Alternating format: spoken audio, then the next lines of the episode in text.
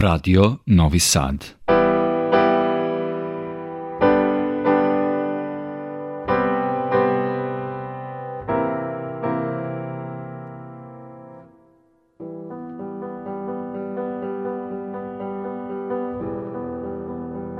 Dobroveče, poštovani slušalci. Vi pratite program Radio Novog Sada, Radio Televizije Vojvodine i emisiju Vox Humana. Moje ime je Boško Buta. Emisija koju slušate zamišljena je kao programski segment posvećen široko shvaćenoj kulturi, kao što smo u generalnoj najavi našeg serijala i rekli, uz prisustvo stručnjaka iz različitih domena, osvedočenih autoriteta u svojim oblastima, i tu ćemo pokušati da ponudimo odgovore na neka od pitanja koja se nužno nameću saobrazno želji da osvetlimo, ali ovog puta iz donekle drugačijeg ugla, teme vezane za umetnost, društvo, filozofiju, fenomenologiju medija, komunikologiju, dramaturgiju, religiju i mnoge druge oblasti. Namera nam je da taj donekle izmešteni ugao posmatranja stvari o kojima saznajemo, čitamo, slušamo i gledamo, baziramo donekle i na dekonstrukciji stereotipa promatranja i definisanja različitih fenomena iz pomenutih sfera, da sagledamo problematiku iznutra i ponudimo je oslobođenu balasta u napred zadatih koordinata, a samim tim i nekih duboko ukorenjenih mišljenja o nama samima.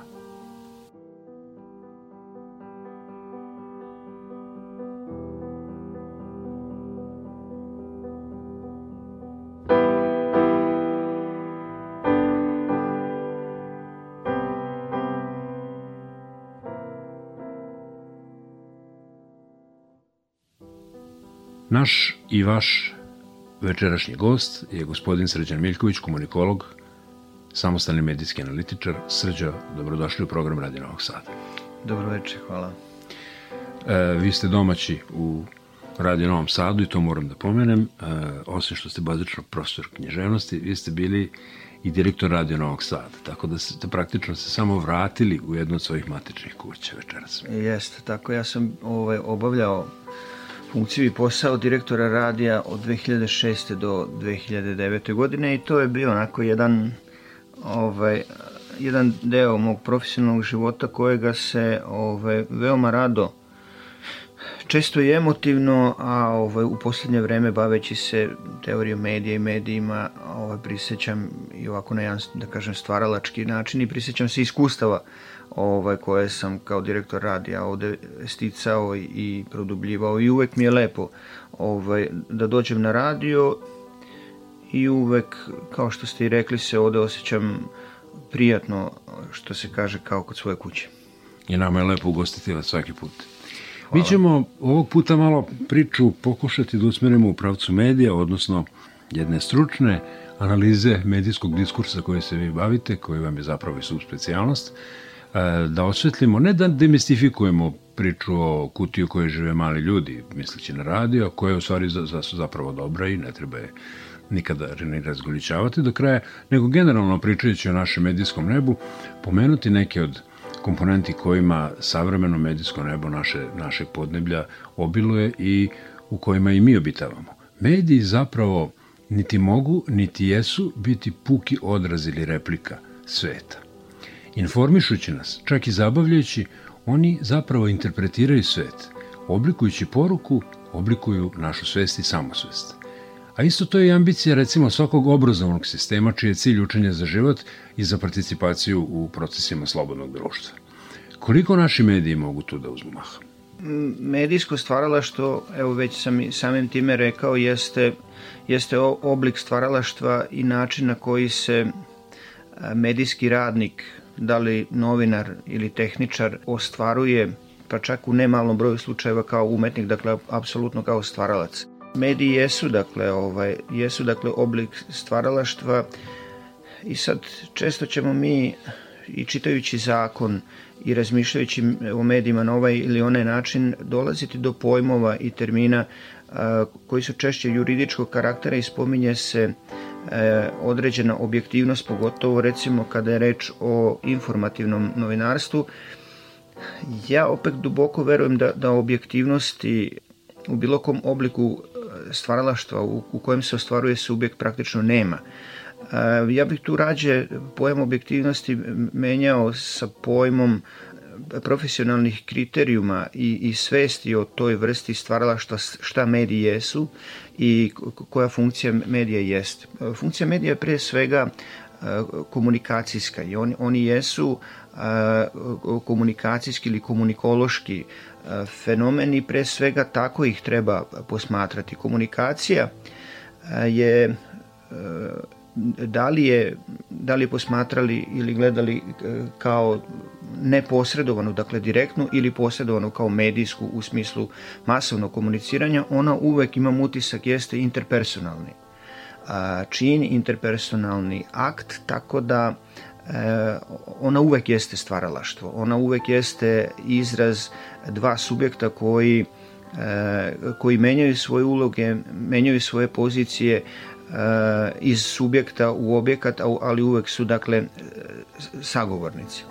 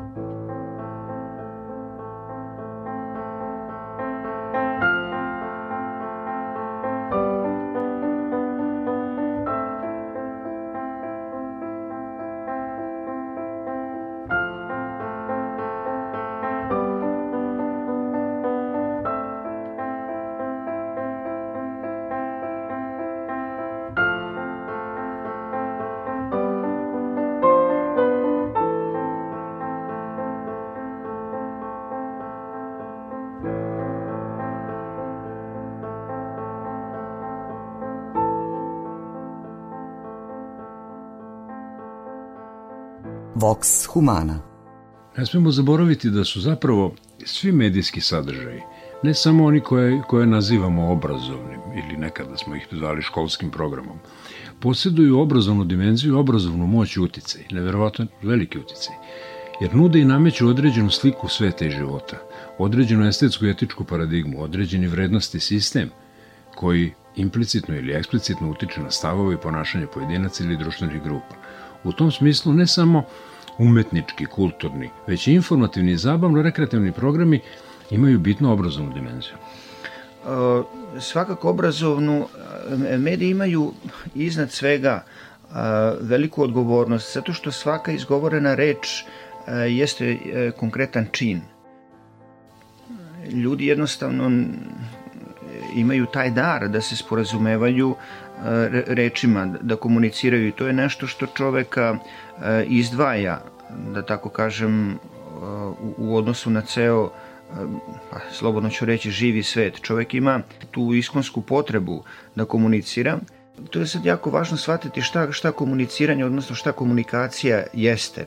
A, da bismo dobro postavili, da kažem, ovaj, i čitavu ovu, čitavu ovu priču.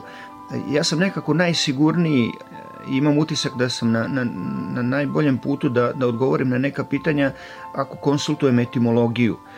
I to mi je nekako naj, najpouzdaniji način. E, sama reč komunikacija ili komuniciranje vodi od latinskog glagola komunikare ili latinske imenice komunikacijo koja ima nekoliko značenja, to prosto mo možemo proveriti i u rečnicima. Komunikare znači pozajedničiti, učiniti nešto zajedničkim. E, u, u osnovi komunikacije jeste formiranje određene zajednice. Svaka zajednica naravno kao skup subjekata mora počivati na nekim pravilima i konačno na nekim vrednostima. Čitajući odrednicu komunikacija u, u Jaklinom rečniku naći ćete da interesantno je da se pod trećom tačkom pod komunikacijom podrazumeva i, i sam rečnik to navodi komunikare, odnosno komunicirati osim što znači uspostavljati zajednicu u, u rečniku stoji kaže znači i pričestiti se kao konkretan čin ne samo u katoličkoj nego generalno ovaj, u hrišćanskoj crkvi što znači u svakom slučaju uspostaviti jednu zajednicu i u, u ovom trećem smislu pojma komunicirati, to jest pričestiti, se znači ostvariti zajednicu unutar same crkve kao, da kažemo, kao jedne zajednice najvišeg stepena vrednosti. To namerno ističem iz prostog razloga da, da vidimo koliko je komunikacija i komuniciranje ne samo složen čin, e, nego i odgovoran čin koji uvek insistira na, na uspostavljenoj zajednice, dakle jedna aktivna radnja. Ja mislim da je to izuzetno važno što ste pomenuli, jer te zajednice u komunikacijskom kanalu koji mediji koriste, da saopšte, da komuniciraju. Dakle, kanal od komunikatora ka recipijentu uvek su usmerene na ciljne grupe. Mi smo napravili naime ciljne grupe da bi nam bilo lakše da istražimo auditorijum koji je bio i ostao večiti presuditelj onoga što radimo. Te ciljne grupe, odnosno ceo auditorijum i gledalaštvo su jedna, jedna heterogena masa nikad homogena sa različitim stavovima, ideologijama, željama, afinitetima, sklonostima. To smo prvo pokušali da pobedimo u istoriji medija, jel, od početka pojave visokotiražne štampe preko radije, njegove renesanse, televizije do današnjih interneta i hibridnih medija, jer sada su svi takvi, pokušajem da napravimo blokovske koncepcije programa pa da zadovoljimo sve populacijne slojeve, zatim usložnjavanjem programa, što je dobro, ali je ponekad teško, neisplativo, skupo, to možda mogu javni servisi sebi da priušte, I konačno, o, naravno, mali lokalni mediji, tu pre svega mislim na zapadne zemlje, koji se formatiraju, to je jedna cela filozofija, bukvalno po principu njihovih preferencija, kako žele i šta žele da saopšte. I nameće mi se nužno pitanje, koliko smo mi onda medijski pismeni za prihvatanje kvalitetnih sadržaja, znamo li mi da čitamo, slušamo i gledamo? To je jako važno pitanje. Medijska pismenost jeste sintagma i, i pojam na kojem se u poslednje vreme mnogo insistira i na kojem se radi. To je na kraju krajeva jedan čin, jedan akt iz provođenja, da kažem, plana medijske pismenosti u nadležnosti je i državnih institucija i javnih servisa. To je dakle jedna obaveza koju mediji svakako imaju kako bi slušaoce i konzumente medija ipak najkvalitetnije obučili kako i određenu medijsku poruku da prime.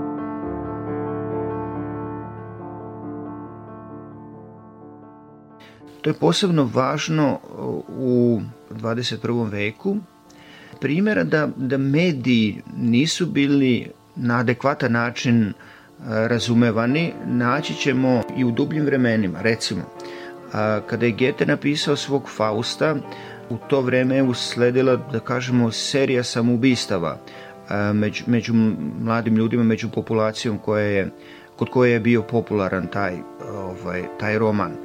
Isto tako, evo recimo, sećam se moje generaciji, blizak je podatak da je u nekoj fazi serijala akcionih filmova o Rambu su se desili jedan slučaj, ako ne i više, uživalaca tog, e, tog medijskog sadržaja da su se identifikujući dakle sa glavnim junakom otišli do, do, otišli do tih granica i prešli te granice na način da su se obukli na način kako se oblačio i ponašao Rambo, izašli na ulicu i pucali na ljude.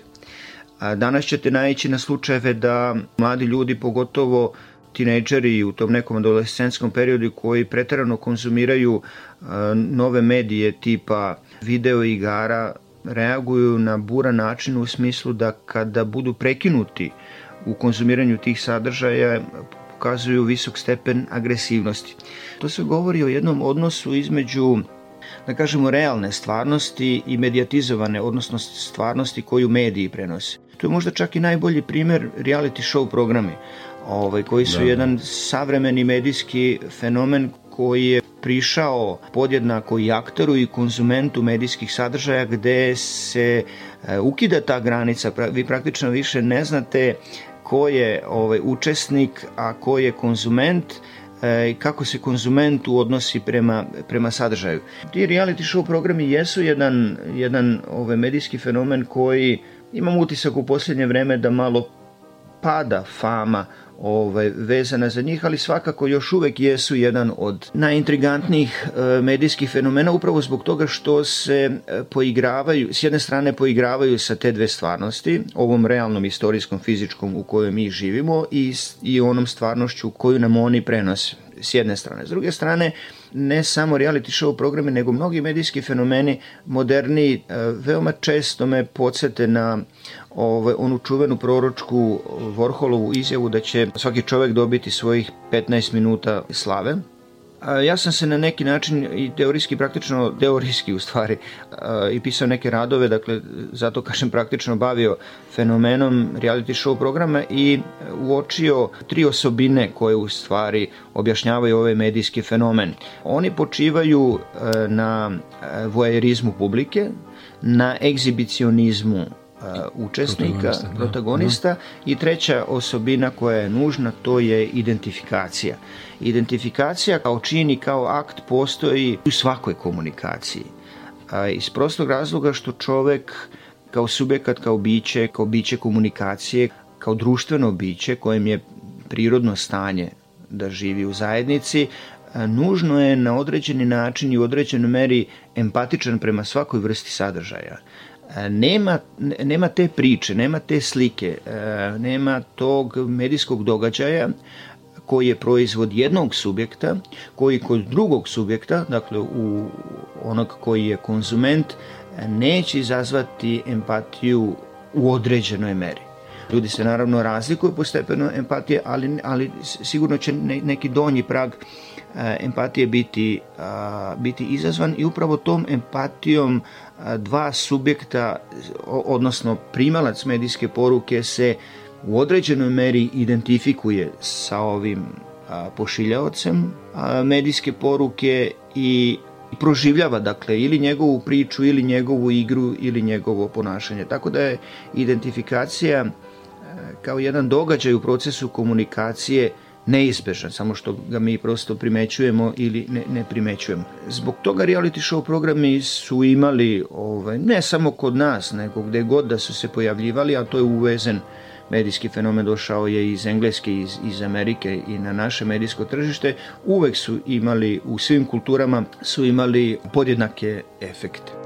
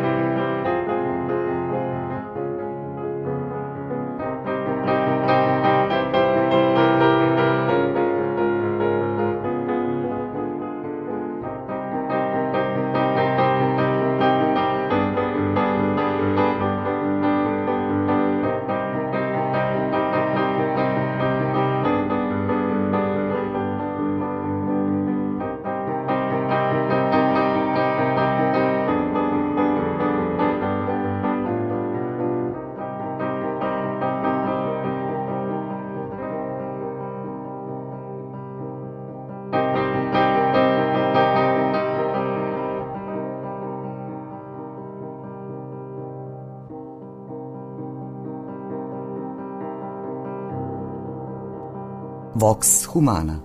Tu bi se onda mogla lako proširiti ona misa o Čomskoga koji kaže globalno selo Maklonovo odavno postoji sada i ovde. A Čomski kaže, recimo, karakterišeći Britko internet, kaže da je to prostor za globalnu anarhiju. On se možda širi i medijskim nebom. U kojoj meri je onda, recimo, medij koji ima funkciju javnog servisa u obavezi da uspostavi granicu dobrog ukusa i standarda koji će neki drugi mediji pratiti. E, ne samo zbog toga što se koristi zajedničkim medijem, a to je reč koja sama po sebi e, traži i od e, pošiljaoca i od primaoca poruke određenu odgovornost i ozbiljnost, radi se o jednom tehničkom, malo jednostavnijem detalju, jednoj okolnosti, a to jeste da E, da mediji koriste e, javno dobro to jest frekventni plan. Tako. I ja sam primetio da često, ovaj, pa čak i među nekim javnim ličnostima koje žele da se nazovu ili ih nazivaju stručnjacima ili ovaj, komunikolozima ili već medijskim analitičarima, nailazio sam na njihove iskaze i na njihove stavove da, e, kaže, komercijalni to se sad prema zakon, novom zakonu zove pružavci medijskih usluga, ali reći ćemo emiteri, kaže komercijalni emiteri e, budući da su u privatnom vlasništvu i da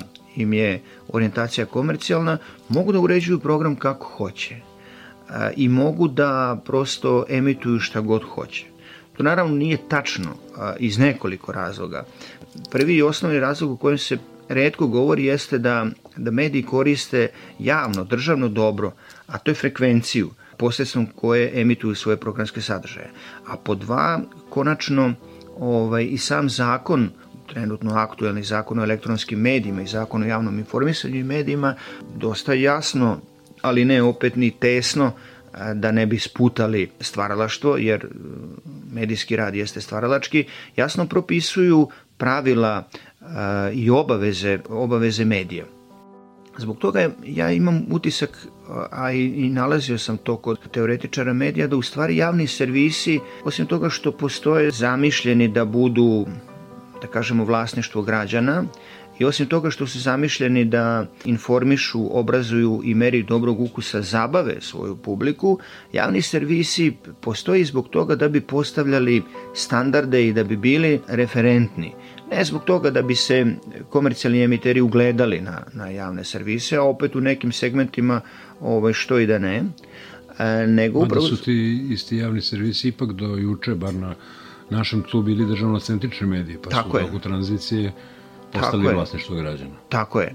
Sadašnji, današnji naš javni servis Radio Televizije Srbije i Radio Televizije Vojvodine kroz svoj istorijat postavljali standarde i bili, bili ozbiljne škole radijskog i televizijskog stvaralaštva da.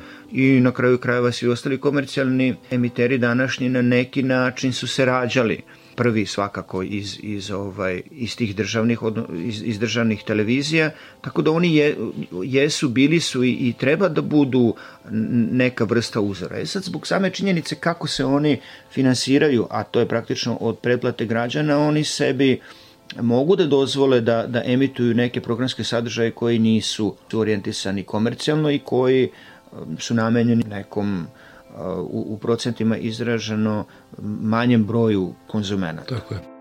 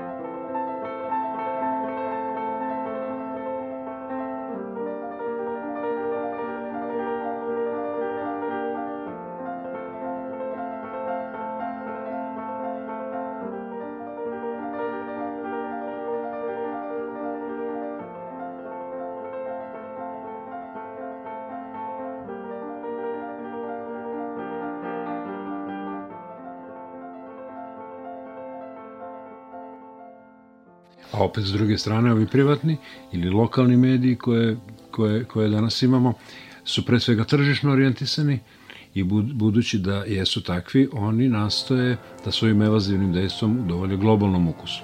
I tu dolazimo do pojave pojma trenda koji bi svi želeli da prate. Tako je. Zato smo i pričali o, to, o, o tim reality show programima kao, kao vodećem medijskom fenomenu koji dolo, donosi ogromne novce. Oni donose veliku zaradu iz nekoliko razloga. Pre svega, verovali ili ne, ali ti e, reality show programi, pogotovo ovi koji su da kažem, koji su autohtoni ovaj, domaći, mislim evo konkretno na parove, koji nisu licencni program kao što je recimo Veliki brat, pa pa prosto morate da platite tu licen, da. licencu, da. E, u principu reality show programi su produkcijski veoma jeftini.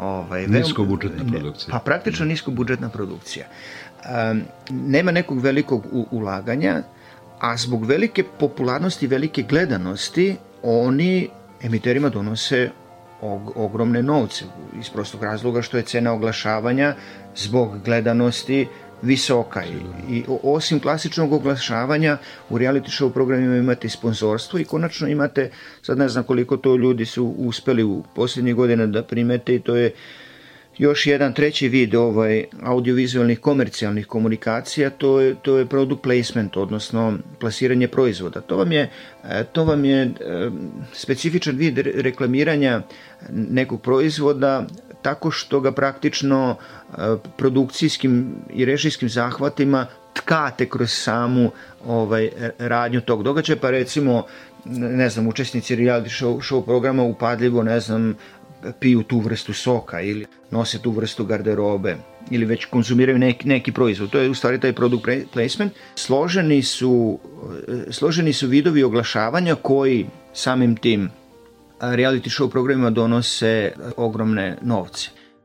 Interesantno je da ne mogu da ne napravim poređenje sa renesansom radija zapadnog sveta, recimo neka razvijena zemlja, recimo neka su Sjedinjene države 30. godina, Ko je prvi uvideo tu strašnu persuazivnu ubeđivačku moć medija? Videli su advertajzeri.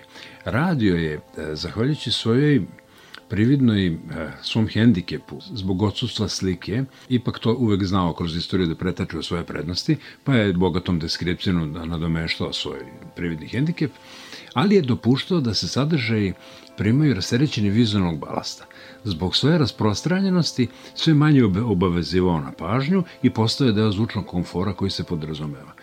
Prvi koji su shvatili strahovito e, izraženu intenzivnu persuzivnu moć radija kao prvog elektronskog medija su bili upravo ljudi koji se bave markom. Jasno. I sada imamo ponavljanje istorije sa modalitetima, izobraženjima i varijetetima. Tako je. Međutim, radio je topao medij. Radio je medij koji ipak ne, ne obuzima e, čovekovo čulo kojim se on prima na taj način kao što ovaj obuzima televizija. Uopšte e, medijska slika kada su radi u pitanju idu u jednom drugom pravcu koji je žalosniji kada je reč o, o, o tom mediju, a to je da se često e, radijske stanice pretvaraju prosto, što se kaže, ovaj, pežorativno u džubokse. A, tek jedino javni medijski servisi ovaj, još uvek a, nivo radijskog programa drže na, na ozbiljnom nivou i praktično oni proizvode ozbiljan, kvalitetan, raznovrstan, izbalansiran, ovaj, izbalansiran program, dok komercijalni emiteri prosto ove, emituju muzičke sadržaje i tek pokoju servisnu informaciju, tek neki minimalni informativni program. Ali jako je to važno napraviti razliku između audiovizuelnih i e, audio medija. Da, Tako da, je. I, i pa prosto čovek svet prima posredstvom svojih pet čula. Devet desetina senzacija iz polnog sveta čovjek prima putem čula vida. Pa jeste, evo prosto kad, kad, kad pogledate prosto i, i anatomiju organa kojima mi primamo nadražaje iz prirode, vidjet ćete da je uho uvek otvoreno. I ono je praktično na taj način pasivan primalac.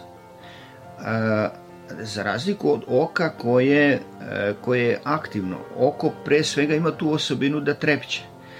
oko može i da se zatvori posredstvom čula vida čovek više izražava svoju slobodu nego posredstvom čula sluha. Čovek je prosto prinuđen nekad nešto da čuje i tek ako se fizički udalji od izvora a, zvuka, on ga neće čuti. Za razliku od oka, gde kažem da imam utisak da ljudska sloboda više dolazi do izražaja, jer vi prosto možete da zažmurite i nešto da, da ne gledate. Ali kvalitet sadržaja a, je a, u, u, mnogome, u mnogome različit. Tu čak jako interesantno, recimo opet vratit ću se na, na teren etimologije. Evo recimo dva staroslovenska ili praslovenska glagola a, su etimološki dosta srodni i slični i imaju zajednički koren, a to su glagoli videti, koji upravo to i znači videti, i glagol vedeti koji znači znati. znati. Da. A recimo, e, njihova sličnost ogleda se i dublje kad pogledate u, u latinskom jeziku videti glasi slično kao i na, na srpskom videre. A dok recimo istog korena nemačko visen znači znati, a englesko vit znači razum.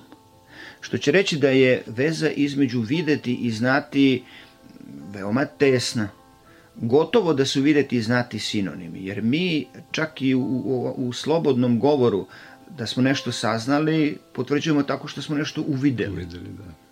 Dok recimo ono što smo čuli, to smo možda tek načuli i ukoliko nas je nešto što smo čuli baš dojmilo, onda ćemo se potruditi da se oko te informacije više angažujemo i da zaista vidimo i uvidimo šta ona jeste. Zato je audiovizualni medijski diskurs, a svaki diskurs je po sebi moćan, audiovizualni medijski, pa i da kažem vizualni medijski diskurs, po mom utisku je mnogo moćniji i jači od e, čistog ovog e, auditivnog medijskog Sa, sasvim diskursa. Sasvim To onda nekako nameće i potrebu obrazovanja, za obrazovanje medijsko, da naučimo da slušamo, gledamo, čitamo,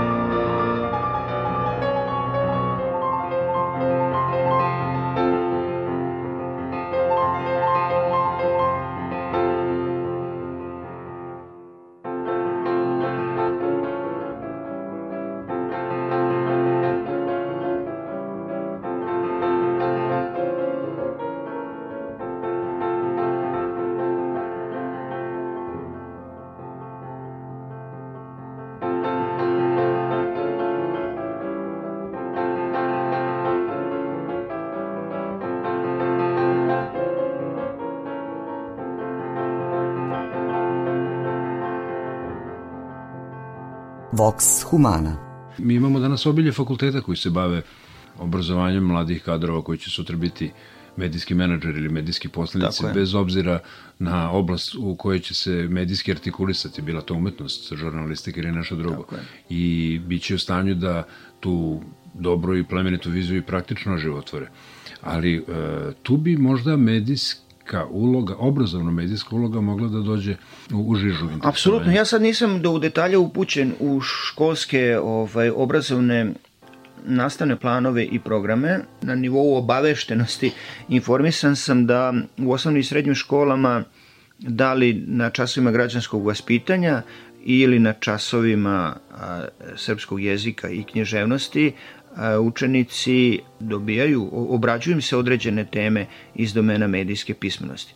Ja mislim da, da medijska pismenost s obzirom na složenost i s obzirom na značaj i uticaj i moć medija i s obzirom na značaj komuniciranja kao par excellence društvene discipline, medijska pismenost svakako zaslužuje mesto do, do nivoa zasebnog predmeta, rekao bih, eto, ako, ako sam slobodan da iznesem svoj stav. E, za medijske stvaraoce ja nemam nikakav strah i nikakav problem.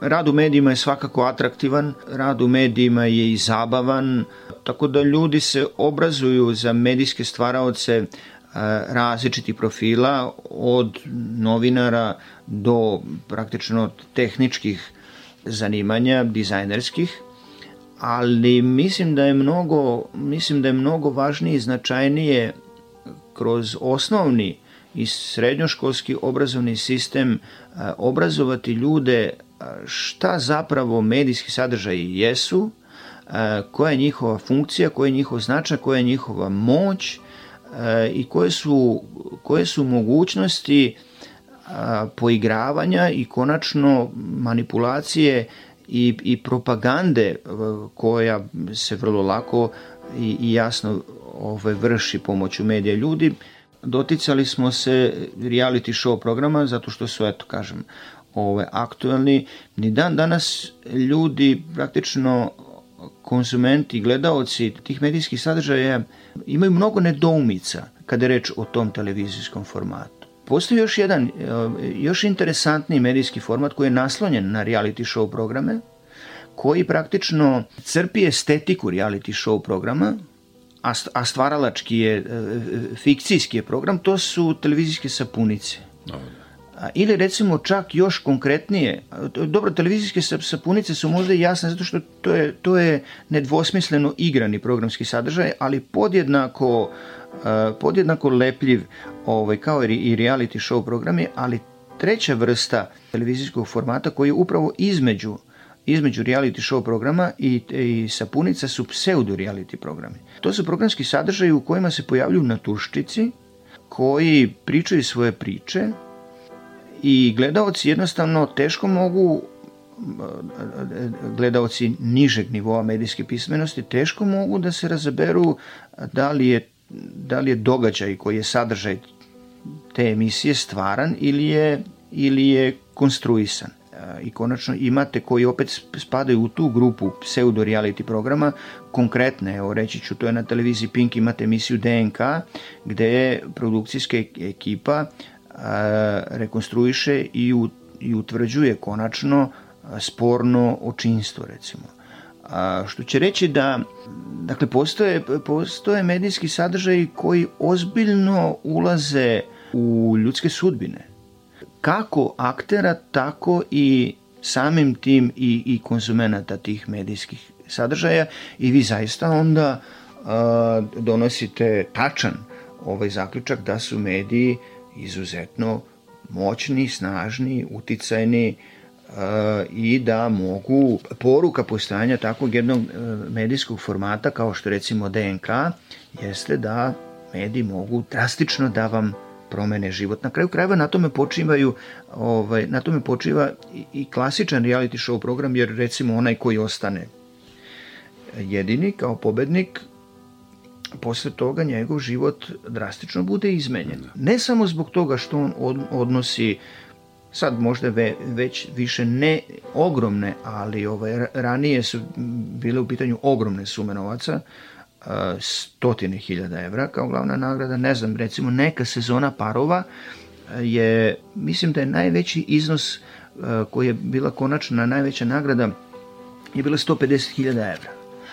Ali pored 150.000 evra, osoba koja pobedi u reality show programu do, dobija osim a, srebra, odnosno novca, a, odnosi i slavu. Odnosi i slavu i on, on, postaje, on postaje par excellence medijska ličnost, VIP ličnost, koja onda posle tu svoju slavu e, utržuje pojavljujući se na televiziji u drugim talk show programima kao VIP ličnost u zabavnim programima i tako dalje, onda on isto tako postaje promoter određenih e, komercijalnih proizvoda, dakle reklamira proizvode i naravno seli se seli se iz realitija u reality. Tako da postoje ljudi koji prosto koji prosto, prosto za, za poslednjih 10 ili 15 godina a, žive od toga što se sele iz jednog u drugi reality. I tu se dolazim do jednog interesantnog fenomena kako mediji a, utiču ne samo na naše, da kažem, privatne ove istorijske živote, nego kako utiču na, na, na, na ljudski rod. Svi mi manje više znamo tu, da kažem, neki, neku istoriju razvoja čoveka kao stvaralaca, pa poznajemo pojam kao što je homo erectus, kao uspravljeni čovek, pa homo faber, dakle, dakle biće koje radi, pa ne znam, homo sapiens kao mudar, pa homo, homo simboli... religiozus. Homo religiozus, homo simbolicum kao biće koje može da komunicira. Dakle, na različite načine u skladu sa njegovim mogućnostima, darovima i talentima, nauka je definisala i opisala čoveka. Poslednjih godina nauka je čoveku dodala još jednu njegovu osobinu, odnosno spoznala novog čoveka, a to je homo medius –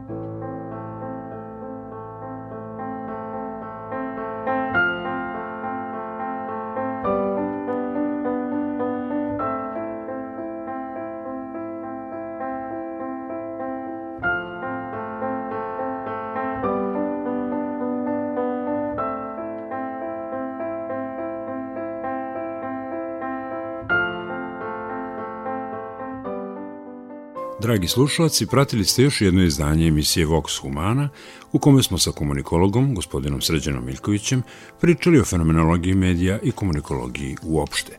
Razgovor sa našim sagovornikom nastavit ćemo za tačno 7 dana u terminu od 23 sata.